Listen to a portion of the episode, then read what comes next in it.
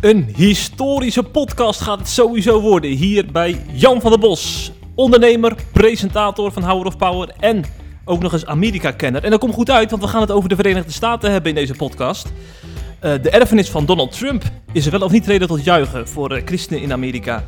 Maar ook ons eigen land komt natuurlijk aan bod. De kleine SGP, klein maar fijn, strijdt tegen overspel met een reclamecampagne. En Jan van der Bos gaat zich er ook over uitlaten. En geven we de critici van het coronabeleid wel of niet genoeg ruimte? Ook dat komt aan de orde.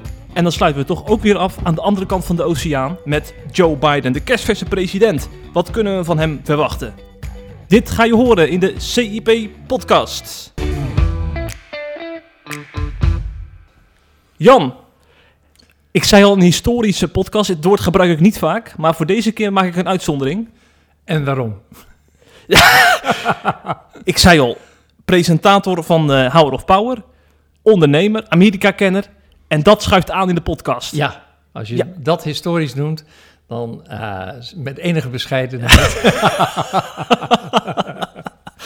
Want Amerika kennen, dan moeten de mensen toch eventjes weten... hoe kan Jan van der Bos aan Amerika kennen zijn? Heb je daar uh, warme banden met, uh, met de broeders en zusters daar? Zeer warme banden. Ik ben onder andere bestuurslid van Johnny Friends. Dat is, Johnny is bij een aantal Nederlanders nog wel bekend. Een vrouw die op haar 17 in ondiep water duikt. haar nek breekt en nu de grootste bediening heeft ter wereld voor mensen die lichamelijk gehandicapt zijn. En we zorgen wereldwijd voor, eh, er zijn bijna een miljard mensen die een, een handicap hebben of minder valide zijn. Ik ben uh, vicevoorzitter van Mercy Ships. Uh, Mercy Ships kennen we van onze schepen, de Africa Mercy en zometeen de Global Mercy die naar Rotterdam gaat komen. Dus ik heb heel veel contacten in Amerika. Bovendien woon ik er ook. Ik heb er ook een huis. En ik hou van Amerika met, met heel hart en ziel. Ik vind het een mooi land. Ik vind het mooie mensen die vaak worden afgeschilderd als plastic of als oh. onecht.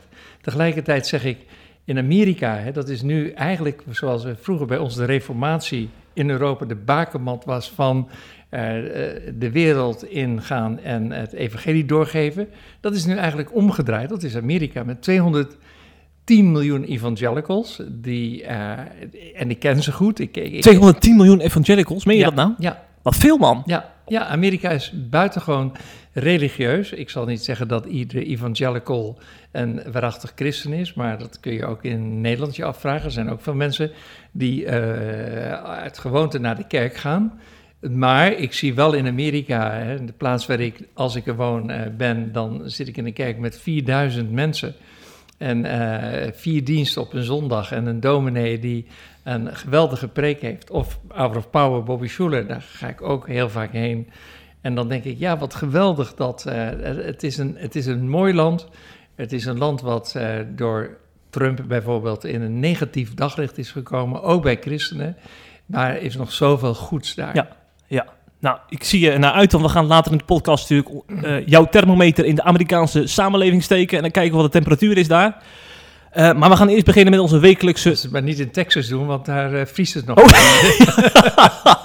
dan gaat die thermometer kapot, kan ik je ja, vertellen. Ja, dan, uh, dan, dan barst hij aan alle kanten uit ja, elkaar. Ja, maar eerst onze wekelijkse rubriek.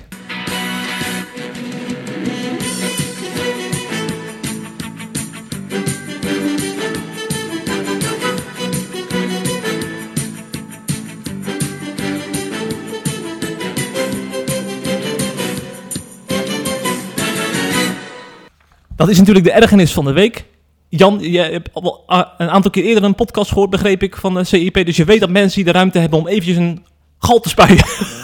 Ik erger me aan Hugo de Jonge. Hugo de Jonge ken ik goed, want uh, hij kwam hier vroeger als ik hier in huis interviews had met Balkenende mee. Want hij was de, de persoonlijke assistent van Balkenende. Zijn vader is predikant hier in Alphen of doet nog steeds huisbezoeken. Maar ik erger me aan het gedrag van, uh, van Hugo de Jonge. Uh, een, een, soort zelfingenomen, zelfverzekerde manier. Terwijl uh, dat, dat, ik ken hem als een aardige man, dus ik, ik, ik, ik denk ook dat hij door de omstandigheden denkt: ik moet van me afbijten of wat ook. Maar hij heeft het in ieder geval niet goed gedaan. Ik heb een kantoor in Israël. Als ik zie wat daar gebeurt, dat de helft van de bevolking inmiddels gevaccineerd is. Dat die groepsimmuniteit ontstaat. Dat de mensen van plus 60 uh, weer uh, kunnen ademen, uh, kunnen leven. En dan denk ik, jongens, we hebben nu 1 miljoen vaccinaties achter de rug. Dit had vele malen beter gekund als er niet een, ambtenaar, maar als er een ondernemer op die post had gezeten. En dat vind ik het moeizame van dit kabinet. Dat irriteert me ook. Dat, uh, dat het RIVM uh, kan bepalen wat het beleid is. En dat er niet wordt gekeken naar ondernemers. Ik ben er zelf een. En ik zie in mijn omgeving, ook mijn bedrijf, ik zie ons kapot gaan. En, en de regering heeft natuurlijk handreikingen gedaan met allerlei regelingen. Maar dat is uiteindelijk niet waarom je ondernemer bent. Een horeca-ondernemer die wil zijn, eh, zijn, zijn zaak openen. Eh, een reisorganisator, wat ik ben, die wil zorgen dat mensen weer op een verantwoorde manier op reis kan. En we hebben allemaal nagedacht over hoe kunnen we het nou verantwoord doen. Maar als je op de deur in Den Haag tikt, dan blijft hij wat dat betreft dicht. En ik snap natuurlijk dat we midden in een gezondheidscrisis zitten, maar tegelijkertijd is de economische crisis en de psychologische crisis is ook enorm. En daar ja. vind ik, wordt er weinig naar gekeken en daar erger ik me ongelooflijk aan. Maar we hebben een uh, veelzijdig uh, kabinet waarin ook Erik Wiebes zit en uh, Wouter Koolmees. En ik heb hem laten la, la, la, vertellen dat ze Hugo de Jong nog wel eens eventjes over tafel trekken, bij wijze van spreken. Omdat zij juist wel belang hechten aan die, aan die ondernemer en Zeker, zeker. En dan hebben we ook nog uh, Wopke Hoefstra. Dus dat, dat is het driemanschap. Ja, precies. Wat meer uh, uh, richting economie kijkt. Maar die worden toch overschaduwd ja. door de andere vleugel. en ik snap natuurlijk dat het heel moeilijk is. En de tijd zal het leren. We zullen over een, over een jaar hoorzittingen krijgen. Hoe heeft dit kabinet het gedaan? Hebben we goed geacteerd of niet goed geacteerd? Maar ik vind dat er meer aandacht moet zijn voor, voor uh, het, belang van, uh, van ondernemingen, hè, die, die, dat is de ruggengraat. Het midden- en kleinbedrijf is de ruggengraat. En als we straks allemaal lege winkelstraten hebben, waar we alleen nog maar Kruidvats en, en Albert Heijns hebben, die hebben overleefd, want die zijn gewoon open. En de anderen hebben allemaal hun deuren moeten sluiten, dan zijn we veel verloren. Als al die gezellige horeca-tentjes straks niet meer bestaan. Ik heb een vriend die heeft echt heeft de horecagelegenheid, eh, die heeft echt alles erin gestoken wat hij had. Heeft bij zijn familie geleend, hm. die heeft de studiebeurs van zijn dochter, die zei gebruik dat maar. Dus ik zie de leed en het ellende. En nogmaals, ik ben zelf ondernemer, dus ik weet wat er door mensen heen gaat. En er moet, uh, uh, daar, daar, daar moet een perspectief voor komen. En ik vind dat perspectief, uh, vind ik er niet. Ik vind disproportioneel, de avondklok vind ik disproportioneel. Uh, en, en zo zijn er nog een aantal dingen. En er zijn ook goede lui. Hè? Van, je noemt net drie ministers. Ik noem Apple Bruins. Uh, ChristenUnie-Kamerlid. Uh, Kamerlid van de ChristenUnie ook op de bres staat. Hè? En dat, dat doet me hard goed. Dan denk hm. ik, fantastisch. En uh, Gert-Jan Zegers van de ChristenUnie belde me van de week zomaar spontaan op. Jan, hoe gaat het nou met je? Hm. En dat doet me ook deugd. Maar ik, het, het, het, het lijkt wel of we niet uit die uh, uit, uit, die visueuze cirkel kunnen komen van het land zal ook weer open moeten. En dan moeten we leren leven met tussen uh, corona en, en, en leven. Hmm, ja, maar tegelijkertijd, ik zie achter jou zie ik nou het zonnetje schijnen. We gaan weer richting de lente. Ja, ik weet van vorig jaar, dan is er gewoon meer mogelijk in deze crisis. Dus uh, misschien moet je gewoon even geduld hebben, Jan. Nou ja, we, we, zitten, dat, dat, dat is de vraag. Hè? Hoe, lang, uh, hoe, hoe, lang is de rekstok van, van ondernemingen? Van, uh, hoe, hoe, lang duurt het nog voordat de regering ondernemers blijft steunen? En als dat ophoudt, dan, dan hebben we echt vele, vele duizenden faillissementen, honderdduizenden werklozen erbij. Het is geen spookbeeld wat jij nu uh, schetst. Absoluut dus is het reëel? Nee, nee, nee, nee. nee. Ik, ik kijk naar mijn. Ik, ik praat veel met ondernemers. Ik zit in het ondernemersplatform van de ChristenUnie. Dus ik heb een wijd vertakt netwerk van, van christenondernemers en, en, en, en, en, en niet-christenondernemers. En we allemaal staat het water tot de lippen. Dus er gaat echt straks wat gebeuren. Oké, okay, ja. Dus en ik vind het heel zielig, hè? Als, als, als, uh, ik, ik had van de week inkpatronen nodig voor mijn vulpen. Dan ga ik naar mijn boekhandel en dan bestel ik vooraf een doosje uh, voor, voor 3,50 euro met vijf inkpatronen. En dan staat daar een zielig tafeltje en dan moet ik aanbellen en dan doen ze de deur open. En dan zegt hij, je bent vandaag mijn vierde klant. Ja, daar kan een winkel niet van bestaan. Zo, ja.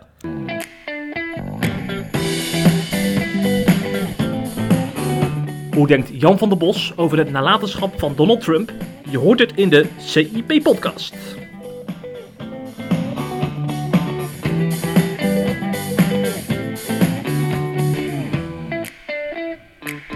Tot zover het kleine Nederland. Wij gaan naar Amerika, Jan. En ik hou van Nederland, hoor. Ja, dat weet ik. Ik ja, hou ja, van ja, Holland. Ja, zeker. Ik hou van Holland. Dat is een programma waar, je, ik jou ook nog wel eens een keer wil zien aanschuiven. Ja, dat zou ik zeker doen. Ja, dat zou leuk zijn. Eh, maar in Amerika, zit, ja, dat zal jou niet ontgaan zijn, Jan. Er zit tegenwoordig zit er een andere president dan Trump. Het is me helemaal ontgaan. Joe Biden heet hij. Eh, maar we willen toch nog heel eventjes terugblikken op zijn voorganger, Donald.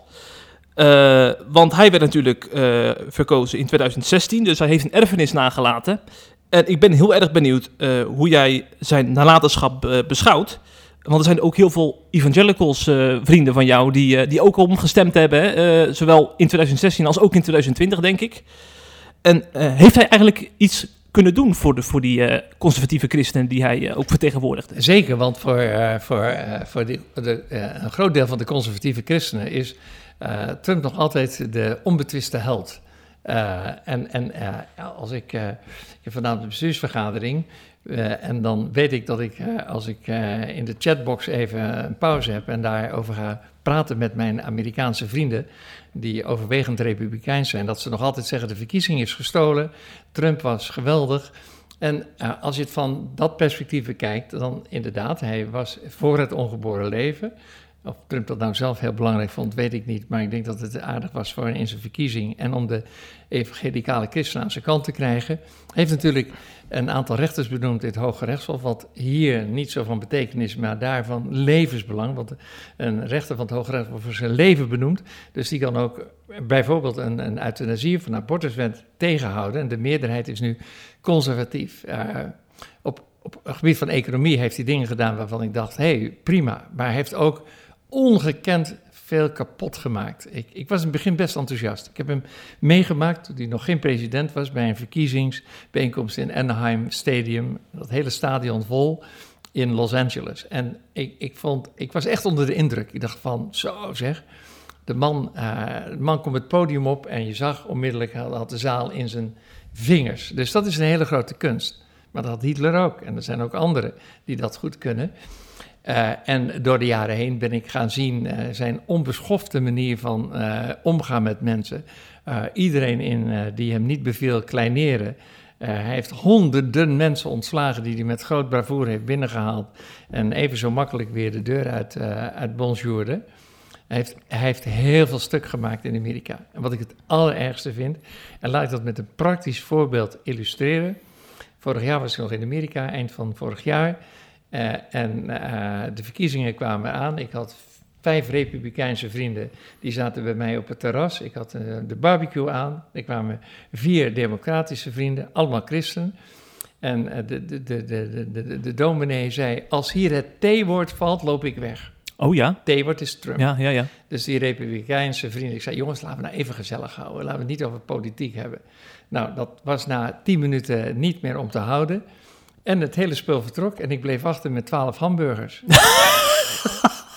ja, dus ze, ja. sloegen elkaar bijna de, de... Dus de verdeling in Amerika, die tweespalt, is wel heel erg duidelijk. Er zijn, uh, zijn uh, of je bent democraat of republikein en... Nou, we hebben alle dramatische gevolgen gezien. 6 januari is daar exemplarisch de bestorming van het Capitool. Dat was ongeveer wel het dieptepunt was, hm. Wat, wat, wat, wat, wat, wat, wat, wat zichtbaar was.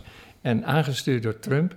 Ja, dat was wel heel tragisch. Daarvoor kies ik ook wel voor Biden. Ja, ja, ja. Maar dan moet je me toch eens uitleggen, want uh, nog altijd de overgrote meerderheid van de evangelicals, die heeft Trump opnieuw gesteund.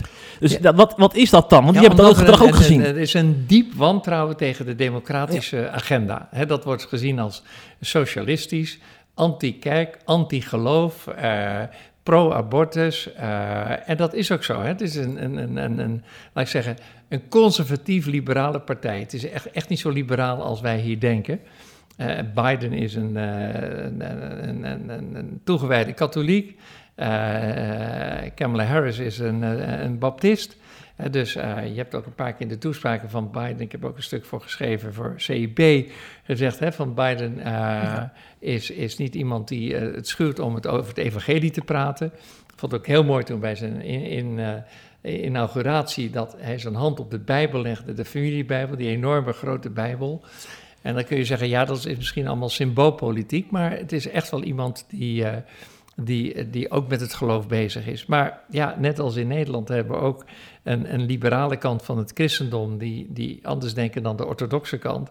Uh, en, en zo is het. Maar ik vind het heel erg, ik zie met ledenogen dat, dat Amerikanen tegenover elkaar komen te staan. Dat, hè, we, kennen dat ook in families. Uh, in Nederland, orthodoxe families die de ene kijken en de andere kijken. Ze lopen aan de ene kant van de straat en de andere kant van de straat. Zeggen elkaar niet meer gedag. Uh, en, en, en dat is toch wel heel tragisch. Dat, dat vind ik, uh, de, de, erfenis, de nalatenschap, zoals je zei, van Trump, uh, vind ik, als je de kist open doet met zijn nalatenschap, dan komt er alleen maar rotzooi uit. Ja, maar laten we dan ook eventjes, zeg maar, de Biden-fans in Nederland wakker schudden. Want heel veel mensen denken nu dat het paradijs er is aangebroken. Maar ik, ik, ik zie ook dat Trumpisme gewoon een beweging is dat tot op de dag van vandaag invloedrijk blijft. Zeker. Is dat zo? Kijk, Trump heeft uh, 74 miljoen Amerikanen die op hem gestemd hebben. Dat is ongekend. Dat is uh, een enorm aantal. En daarmee heeft hij ook de, de, de, de, de partij in zijn macht. Stel je voor dat, hè, als, om een voorbeeld te geven. We hebben zo meteen de verkiezingen in Nederland. En, en, uh, en Rutte krijgt bijna de helft van de stemmen. Hè, van, of, of meer dan de helft van de stemmen. Nou, dan, dan is ook Rutte de baas. Hè? Dan kan, en dat, dat, dat, lijkt er ook wel op. Uh, maar, maar dus hij heeft een enorme macht in die partij nog. Je ziet hè, dat mensen zich nauwelijks durven te verzetten. En als ze wat zeggen, dan, uh, dan is er, Twitter is er niet meer voor Trump. Maar dan maakt hij ze ook gelijk helemaal, hakt hij ze de pan in. Dus je bent, of je bent aan mijn kant, of niet. En als je het niet bent, dan uh, wacht de grote uh, ja, laat ik zeggen, eh, liefst uh, iemand vernietigen. Hm. Hm. dus ik, ik, ik, ik, ik, ik, vond het heel mooi in het congres met de hearing dat de, de voorzitter van de Republikeinse Partij heel duidelijk maakte: we, gaan, we gaan niet voor de impeachment van Trump stemmen, maar wat hij gedaan heeft, dat, dat kan niet. Dus een deel van de partij wil Trump zo gauw mogelijk lozen. Maar een deel heeft hij in de macht van hij kan senatoren maken en breken. Hè. Als hij niet zegt, uh, senator die en die in Alaska, daar sta ik achter. of daar sta ik niet achter, die moet je niet stemmen. Dan zullen een groot deel van de, van, van de Republikeinen daar niet stemmen. Want Trumps woord is macht. Hm, hm. Wat, is nou jouw boodschap aan al die... Uh, want voor, de mensen die zeg maar het Amerikaanse christendom niet kennen... er zijn ook heel veel mensen die zich profeet noemen en een profetische boodschap hebben, namelijk Trump is onze redder en hij moet over vier jaar moet hij weer president worden om onze doelen te bereiken. Wat, wat zeg je tegen deze, deze profeten, zo gezegd? Nou ja, ik slaak een, diepe zucht, want uh, ik vind het nogal wat als je zelf profeet noemt. Hè, van, uh, dat, dat vind ik een, een, een zeer pretentieuze uh, titel. Profeten hadden we in het Oude Testament en daarna hebben ze niet zoveel meer gehad. Dus de mensen die meten zich wat aan en exemplarisch is Paula White of, of andere uh, beroemde voorgangers, die allemaal profeteerden en een woord van God hadden gekregen. Trump die wordt met een kushandje weer herkozen. En dat, en dat is niet gebeurd. En, van, en dan, dan wordt het stil op een enkeling na die zegt: Ik heb het verkeerd gehad, sorry, het spijt me. Maar de, de, de meesten blijven hardnekkig volharden dat. Nou, waar het zit, weet ik dan ook niet. Dus ik denk, je, je, je moet. Uh, ik ben een Calvinist. Uh, wees bescheiden. weet je, als je het woord van God profiteert, dan is dat nogal wat. Hè? Ik, hm. ik, ik heb dat nooit, ik krijg dat nooit. Het woord Calvinist is gevallen. En dus moeten we naar de SGP gaan. Ja, dat, dat, moet echt. Ja, want dat is natuurlijk het perfecte bruggetje van Jan van der Bos.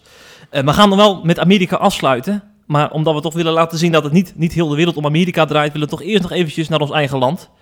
Als je het goed vindt. Want de SGP roert zich natuurlijk. Hè? Het is verkiezingstijd. En uh, dat doen ze onder andere met een uh, campagne, een billboardcampagne tegen overspel. Uh, dat doen ze al jarenlang eigenlijk, hè, want Second Love is een begrip geworden, mede door de SGP. Ja.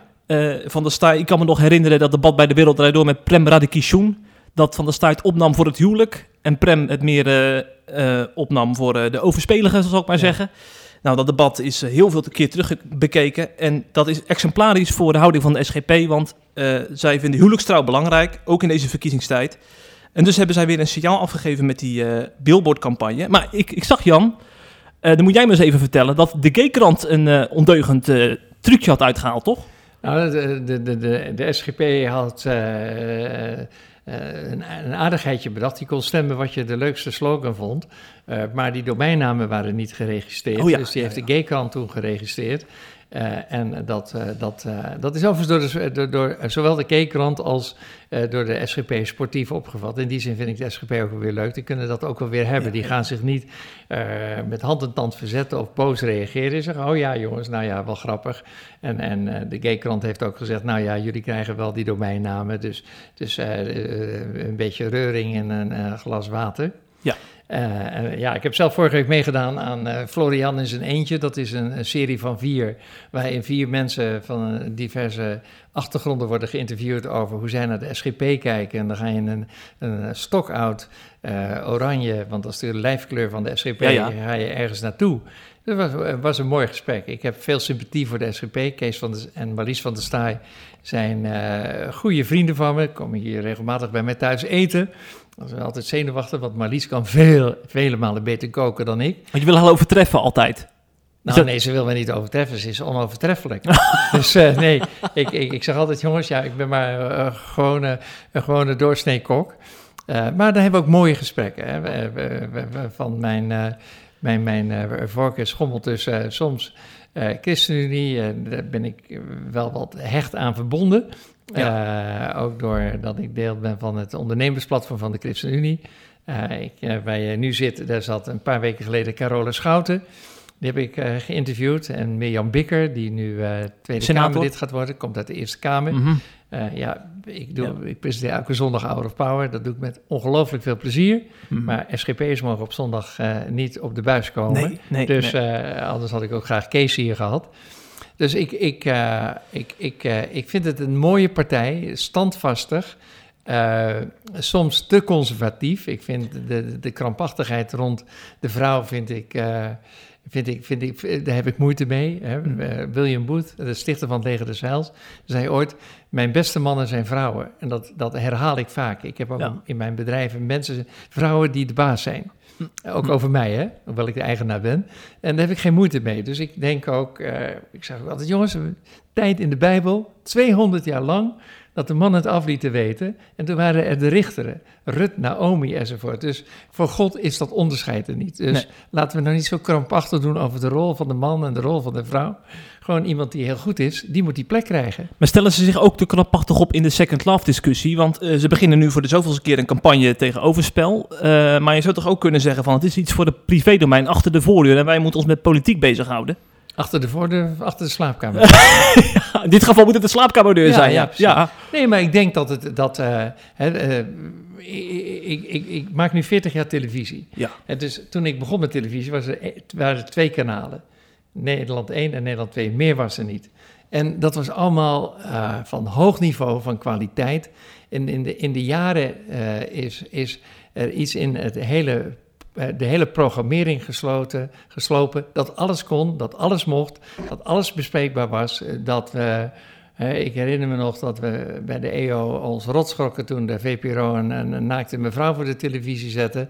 Phil Bloem heette ze. En dat was schokkend. Hè, van, en, en nu, ja, bloot is ongeveer heel gewoon. Dus het en ik vind het jammer dat jongeren beïnvloed worden, die televisie kijken, 13, 14 jaar, die gewoon meekrijgen, jongens, overspel is hartstikke goed. Joh, ga gewoon uh, van, uh, uh, ik, ik krijg een blikje cola van mijn pakje sigaretten en dan ga ik met jou naar bed. Dus weet je, ik denk dat, ik denk dat de, de, de, de uh, SGP, maar ook de christenen zich normeert aan bijbelse normen en waarden. En dat is klip en klaar. Ja, ja. ja maar dan, dan, dan is zo'n campagne, zo'n billboardcampagne... Ik vind het gewoon goed. Dat is prima. Ja. Ik wil ja. die andere billboarden toch ook bij het leven? Hm. Waarvoor zouden wij niet billboarden dan? Nou ja, uh, bijvoorbeeld, ik zal eventjes uh, demissionair staatssecretaris Paul Blokhuis citeren. Hij zegt...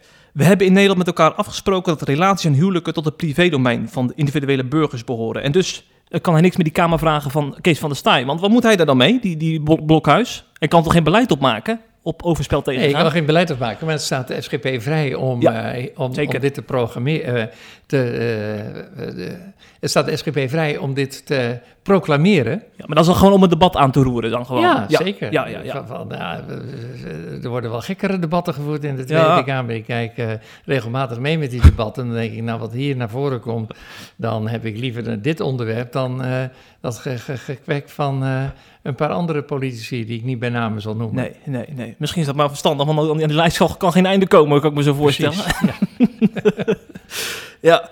Ja, nee, maar dan, eh, eh, dan neem ik aan dat jij ook op een van die eh, drie slogans gaat stemmen dan, Jan, als je deze campagne een goed idee vindt. Als ik zou moeten stemmen, dan zou ik zeker op een van de drie slogans. Ja, en een van de drie is One Life Stand. Die vind ik wel heel goed gevonden. Ja. One Life Stand. Ja. Toon weer aan dat de SGP humor heeft, hè? Ja, ja maar vind, vind ik echt... hè, het is geen one-night stand, maar een one-life Ja, stand. Prachtig Dus gevonden. dat vind ik, vind ik knap. Dat vind ik... ik vind het ook humorvol. Ik vind het ook niet... eh, weet je wel, wijzen met het vingertje. Oh, zeg van, eh er wacht je hel en verdoemenis. Nee, ik, ik vind het op een waardige, eh, ludieke manier. Daar, daar hou ik wel van. Ja, ja. Nou, we gaan kijken of de SGP de vierde zetel kan bemachtigen binnenkort. Want ze staan er nu op drie, hè? Drie mannenbroeders. Als de SGP er vier heeft, dan moet de C, eh, ChristenUnie er acht hebben. Dan hebben we er twaalf. Wauw. Ja, Ja, twaalf apostelen. zeker. Geen profeten. We gaan weer naar, eh, eigenlijk terug naar jouw ergernis, Jan. Want we gaan het toch nog even over het coronabeleid hebben. Nou ja, een beetje een afgeleide daarvan. Want eh, in de huiskamer is de vraag of je wel of niet kritisch mag zijn op het coronabeleid. Want dat kan nog wel eens tot eh, wat hier en daar wat spanningen leiden. Je hebt bijvoorbeeld wat ooms en tantes die in WhatsApp-groepen wel eens zeggen van... dat minister De Jonge een tandje moet minderen omdat hij... ja, dat gaat misschien wel heel ver, dat hij het teken van een beest aan het aanmoedigen is. Hè. Jaap Dieleman is, staat in de Telegraaf te verkondigen dat, eh, dat de regering ons een onder wil hebben... en eh, dat de, vaccinatie eh, onderdeel is van de strategie van de antichrist, bij wijze van spreken. Maar je hebt natuurlijk ook nog een andere categorie. Dat zijn de critici met gezond verstand, noem ik ze maar even. Die gewoon kritisch naar, naar het coronabeleid willen kijken. Onder maar welke toch, categorie val ik? eh, ik schijn jou toch wel onder gezond verstand. Dankjewel. Ja, ja. Dan, dan gaan we verder met deze podcast. Nee, maar deze, Nee, deze ik groep las vandaag mensen... het artikel in de Telegraaf van, van Jaap Ja, licht dat eens even toe. Wat las je? Die, die, nou, die ik goed ken. En dan denk ik, ja, weet je, die, die, die, die, die, die complottheorieën Ja. eh, en ook eh, eh, alles wat daarmee samenhangt, de wederkomst enzovoort, dat, dat weten dan eh, de, de, de, deze broodetende profeten allemaal precies te voorspellen. En dan Hmm. denk ik, in de Bijbel staat van die dag en die uur weet niemand, Nee. alleen wees voorbereid. En ik denk dat Ja. dat belangrijker is dan allerlei voorspellingen doen of... of eh, Ja. hebben, in SIP hebben jullie ook een hele eh, discussie gehad met Ali Hoek van Koten en haar counterpart over vaccineren of Ja. niet. Ik krijg natuurlijk ook mensen die zeggen: Jan, dat jij, jij moet je uitspreken tegen eh, het vaccineren, Mhm. want in het vaccin zit een, een, een, een chipje en als dat bij Ja. je ingespoten wordt, dan verandert je DNA. En omdat je DNA verandert, Hmm. eh, herkent God je straks niet meer, dus je komt in de hel terecht. Ja, Ja. weet je, zo, zo extreem kunnen mensen soms reageren. En dan denk ik, ja, hij die in, die, die in de hemel zit lacht. Ik denk dat God huilt over wat er nu gebeurt. Hè? Van, Ja. eh, Dat hij met bewogenheid naar ons kijkt. Dat is de God mm, die ik volg, waar ik, die ik lief heb. Mhm. Eh, en eh, ja, het is, het, is, het, is, het, het, het is over ons heen komen rollen. Hè? Het is Mhm. ook heel moeilijk om de juiste beslissingen te maken. Achteraf weten we het allemaal. Ja, ja, En ja. we hebben hier 17 miljoen stuurlui, hè? Ja, Ja, en die één, van die 17 miljoen, dat wil ik nog even genoemd hebben, dat is Gerdien Blom. Die heeft een knallende column geschreven vorige week op, op CIP.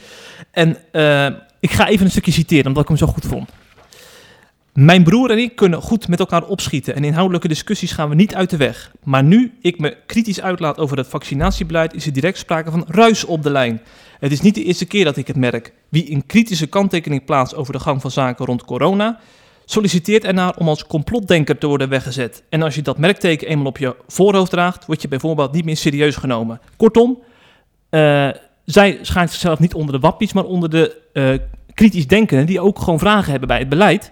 Maar ze merkt in discussies, bijvoorbeeld op verjaardagen, dat zij onder de categorie wappies wordt weg- weggezet, waardoor er geen gesprek meer mogelijk is. Ja, en dat is natuurlijk heel tragisch. Ja. Want, eh, wij- moeten kritisch blijven denken. Ik heb natuurlijk, een deel van mijn familie is ook, hè, wat, de, wat de overheid zegt, die is door God gegeven. eh, dat moet je volgen. eh, daar moet je gehoorzaam aan zijn. En dan denk ik, nee, we zijn, we zijn, we zijn kritische burgers, dat ben ik ook. En je, je, je, je mag iemand op zijn geloof bevragen. Je mag ook aan God vragen waarom gebeuren dingen zoals ze gebeuren. Je mag ook aan je overheid vragen om verantwoording af te leggen. Uh, dus ik vind die, die, die, die complotdenkers, uh, dat vind ik heel ver gaan. Daar hoor ik niet bij. Ik ben gewoon een heel nuchter. Daar hoort deze gediende ook niet bij. Nee, zeker niet. Dus nee. ik kan mij helemaal inleven. Dat je, dat, dat, maar dat je, het zou toch zo, doodzonde zijn als we niet meer kritisch zouden mogen kunnen denken. Of, of niet zouden nadenken over het beleid, maar willoos alles opvolgen. Ja. Ja. Merk jij dat jij bijvoorbeeld in je netwerk gewoon kritisch mag zijn zonder als een wappie te worden weggezet? Is die ruimte er? Bij mij wel, ja. Ja? ja. En, en is het anders als, dan... als hij er niet is, dan zorg ik wel dat hij is. ja. ja. ja. Ja, maar ik vraag me dan af, uh, die, we hadden, vorige week hadden we die avondklok kwestie hè, met die rechtszaak die ja. het kabinet verloor. Is dat een beetje een, een breekpunt geweest dat nu tegenstanders of critici meer ruimte hebben om ook uh, openlijk hun vragen te stellen? Want voorheen moesten ze nog wel een beetje zwijgen naar, naar hun idee. Nou ja, weet je, je hebt natuurlijk, het, het argument is altijd, hè, we moeten natuurlijk het aantal mensen die besmet zijn, uh, die besmetting moeten we terugbrengen, terecht. En van uh, inmiddels, uh, een goede vriend van mij, Gorka Tsikian, hè, de, de, ja, de, arts. de, de, tweede bekende arts, zat hier een paar dagen geleden bij mij in de stoel. We hadden een mooi gesprek. En hij zegt, het is allemaal disproportioneel, want hè, het, het, aantal doden valt nu best wel mee. Hè. Het is ja. niet meer zo, zo heftig.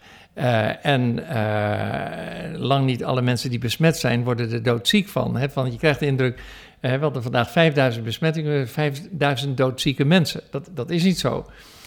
en natuurlijk, het is een ernstige situatie. Ik heb ook vrienden gehad die corona hadden. Ik heb ook een vriend gehad die aan corona is overleden. Dus ik praat er niet lichtzinnig over. Tegelijkertijd denk ik ook dat, dat maatregelen disproportioneel zijn, zoals de avondklok. Dus ik vond dat van uh, onze vrienden van uh, Stichting, ik blijf maar hardnekkig viruswaanzin zeggen, want zo noemden ze zich eerst, viruswaarheid. ja, ik, ik, ik, vind, ik, ik vind het toch wel een beetje cowboy-achtig iets waar ik ook wel, ja, ik kan er ook wel weer om glimlachen. Ja, ja, ja. En ze hebben heel wat teweeg gebracht, hè? Want nu, nu merk ik echt dat mensen zeg maar, die voorheen toch best wel uh, uh, op de paden van Hugo de Jonge liepen, zeg maar, achter hem aan, dat ze nu gewoon mede door deze zaak wat kritischer zijn geworden. Van, hey, blijkbaar is de rechtsstaat nog niet helemaal veilig uh, bij het kabinet. Nee, die is ook niet veilig. Nee. En, en uh, we leven in verkiezingstijd, dus je moet je ook altijd als, als uh, kritische burger moet je denken van uh, wat is verkiezingsretoriek? Want politici die zijn gemaakt om te denken waar haal ik stemmers vandaan? Zo zitten ze gewoon in elkaar, dat, dat hoort erbij. Dat, ik ben een ondernemer, ik wil ondernemen. Dus dus een, een, een, politicus denkt van jongens, waar kan ik winst weggaan? En dat zal zeker in deze tijd meespelen. Dus we moeten kritisch op onze overheid zijn en blijven. dat ben ik ook naar de SGP, naar de ChristenUnie toe, ook naar het CDA, ook naar de VVD. Een van mijn goede vrienden is Jan-Anthony Bruin, voorzitter ja. van de Eerste Kamer. En dan zeg ik ook, je loopt het torentje in en uit. Joh, wat zeg je nou tegen Rutte? He, van, dus ik, ik, ik en, en tegelijkertijd heb ik ook groot respect voor onze overheid. Er gebeurt natuurlijk ook heel veel goede dingen in, in, dit land. Het vierde gelukkigste land ter wereld. Hè. De inwoners van Nederland tellen zich tot de vierde gelukkigste bewoners van deze aardbol als het om ons land gaat. Dus er zijn ook wel heel veel goede dingen. En dat moet je natuurlijk ook. Dus je kunt doorslaan door allemaal complottheorieën en de regering, al christenen zeggen dit is het teken van het beest of wat ook. Dus je moet een, een, een, de paden op, de lanen in, zoals u zo mooi zei. maar je moet het rechte pad bewandelen. Hm. Op dat lijstje gelukkige landen waar je net naar verwees, maar waar staat Amerika ergens, weet je dat? In de top 10 hoop ik. Nou, ik, eerlijk gezegd weet ik dat niet. Het viel mij op dat de Nederlanders tot het... Uh, ik geloof dat de Amerikanen die staan ook wel aardig hoog. Dat moet toch wel, hè? Maar ja. ik zou het niet weten. Nee, nee. Eén ding wat we wel weten is dat Joe Biden daar nu aan het hoofd staat. En uh, uh, laten we het even met deze meneer afsluiten. Want ehm, eerlijk gezegd, meneer de, toch wel... Meneer de president. Meneer de president tegenwoordig. Precies, hè? niet ja. deze meneer. nee, nee, we praten met ja. respect over het gezag. Juist. Over ons, ja. Uh, deze meneer de president, die uh, uh, werd een beetje afgeschilderd, vond ik, me, me, uh, vooral onder conservatieve christenen, ook in Nederland, als iemand die een antichristelijke agenda zou hebben. En dan vraag ik mij af, jij als Amerika-kenner, is dat niet een beetje overdreven? Ja, dat vind ik zwaar overdreven. dan wordt er gelijk een label opgeplakt, want dat is makkelijk een anti-christelijke agenda. Want wat is nou een anti-christelijke agenda? als je nu ziet, het, het, het, coronabeleid onder Trump was dramatisch. Er zijn nu een half miljoen, vijf, een half miljoen en 7000 doden in Amerika. Dat is een ontzaglijk aantal. En dat is ook omdat Trump het lange tijd heeft afgedaan met zijn taskforce als van het is een nieuw dalletje en uh, uh, neem maar een pilletje in en dan ben je er vanaf. Hè. Dus uh, niet empathisch. En, en, dan kijk ik naar Biden, hè, die gisteren de herdenking had voor de half miljoen mensen die slachtoffer geworden zijn van corona. En dan zie ik, dan zie ik daar de president met zijn vrouw staan. En dan, dan, dan wordt er niet het Amerikaanse volkslied gespeeld, maar heel aangrijpend Amazing Grace. Ja. Wonderlijke genade dat een wrak als mij redde. Het uh, prachtig lied en dat is natuurlijk ook symbolisch voor waar hij voor staat. Hij had ook kunnen zeggen: nee, ik wil geen geestelijk lied hebben, het meest bekende geestelijke lied ter wereld. Nee, doe maar een, een ander deuntje. Doet hij niet dus, om de christen te paaien, geloof jij? Nee, nee. oh nee, nee, nee, absoluut niet. Nee, nee, nee. De, de, de man loopt al zo lang mee in de politiek. Kijk, hij, hij, heeft, hij zegt steeds in zijn, al zijn redenvoeringen: jongens, we moeten dit land samen weer gaan herstellen. En uh, daar heeft hij ook de Republikeinen voor nodig. En dat, dat, uh, dat, dat doet hij, vind ik, op een, op een aangename, prettige manier. En natuurlijk, het is een politicus, die heeft ook een agenda. Maar om hem als een boeman af te schilderen, als een heiden, als iemand die, uh, die de kerken in Amerika wil sluiten en de christenen uh, zal opjagen, volstrekte onzin. Nee, nee. Maar dat gaat inderdaad wel heel erg ver. Maar er zijn toch ook mensen die vrezen dat hij de pro-life agenda van Trump in de ban gaat doen. En dat hij ook op het gebied van huwelijk en seksualiteit wat, uh, wat gaat schuiven en meer ruimte gaat geven aan transgenderpolitiek bijvoorbeeld. Absoluut. Dat zijn toch wel hele andere agendapunten. Zeker. En dat is ook zo. Ja. Dat is, dat is, gewoon, dat is gewoon zo. En van, hij heeft daar een totaal ander beleid, een, een liberaal beleid. En, en, vandaar ook dat heel veel republikeinse christenen uh, angstig zijn voor wat gaat ons overkomen. En die angst begrijp ik ook. Hè, van als het gaat om bescherming van het ongeboren leven, van het leven, uh, dan is de, de agenda van de Democraten wezenlijk anders dan die van de hm. Republikeinen. Hm. Maar nogmaals, de vraag is in hoezeer, in hoeverre was Trump oprecht in, uh, in, in, in die levensbeschouwelijke zaken? Of deed hij dat omdat hij wist, dan krijg ik die evangelicale christenen achter me? En ik denk persoonlijk het laatste. Hm. Ja, het is gewoon politiek, hè? Daar komt het op neer. Ja. Ja. Wat, wat kunnen we... Weet je, ik, ik, ik was ooit met, met Chuck Colson, uh, dat was de man die Watergate bedacht en in de gevangenis tot geloof kwam. Uh, en een goede vriend mij, mij is geworden. Dan hadden we de National Day of Prayer. En toen nam hij me mee naar, uh, naar het Witte Huis. en daar was ik in de West Wing. En daar kwam president Bush en die zei dit. Friends, I was a sinner in need of redemption and I found my answer in Jesus Christ. Vrienden, ik was een zondaar uh, ik had redding nodig en ik vond mijn antwoord in Jezus Christus. Dat zal ik nooit vergeten. Ik was diep geraakt en diep ontroerd. En dat is nog altijd wel symbolisch voor uh, hoe een groot deel van Amerika in elkaar steekt. En van, ik, ik, ik ben ook best blij met Rutte. Hè. We zijn, uh, zijn overdenking niet zo lang geleden voor de protestante kerk in Nederland, de protestante lezing. Daar zaten hele mooie raakvlakken in met het geloof. Uh, en hij noemt zichzelf ook een, een gelovig iemand. Dus ik uh, hoop dan dat, dat oh, en ook Biden noemt zich een christen, dus ik hoop je dat, dat je dan ook laat leiden uh, door de leidraad voor het leven, Gods woord. Hm, hm. Stel, we zitten hier over vier jaar weer, hè? dan gaan we over het nalatenschap van Biden praten. Wat, wat, wat hoop je dan te kunnen delen over hem tegen die tijd? Staat hier een glazen bol op tafel?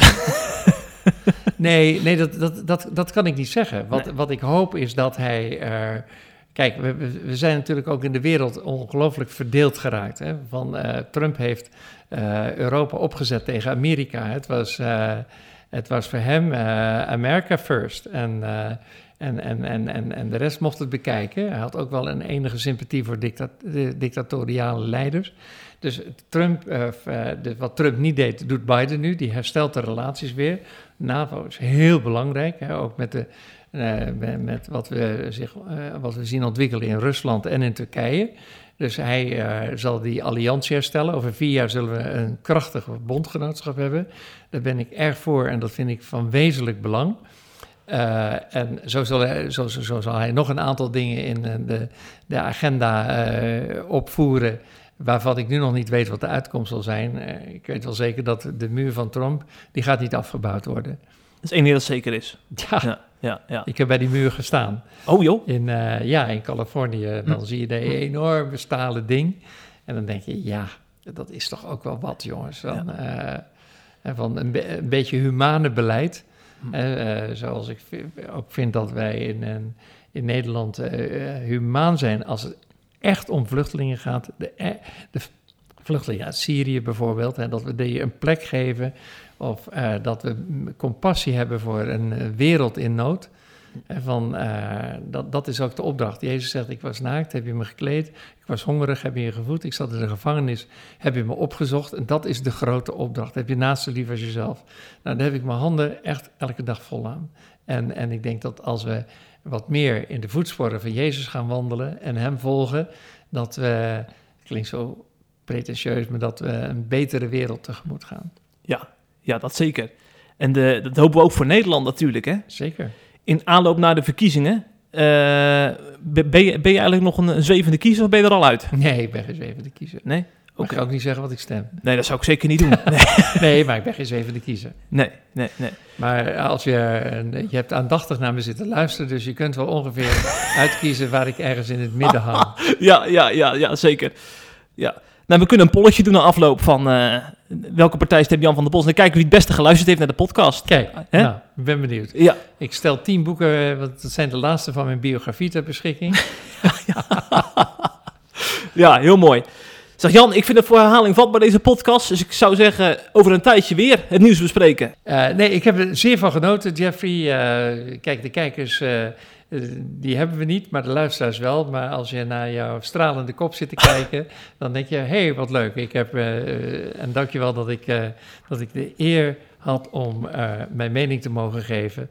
En voor wat die waard is, hoop ik dat, die, dat een aantal luisteraars er wat aan heeft. Sowieso, absoluut. We weten nu in ieder geval, we hebben die thermometer in de Amerikaanse samenleving gestopt en we weten nu de temperatuur. Ja. En de luisteraar mag bepalen of die warm of koud is. Nou, die is, die is nog, nog steeds redelijk op het kookpunt. Ja, ja, ja, ja, ja.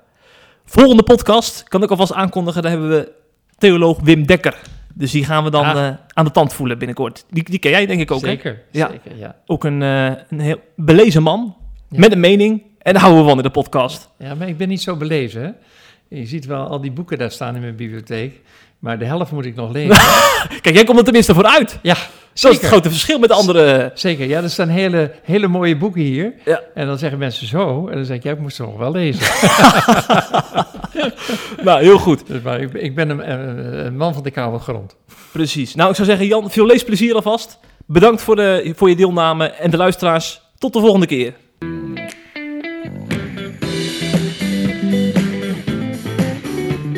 Je luistert naar de CIP-podcast. Volgende week weer een nieuwe aflevering.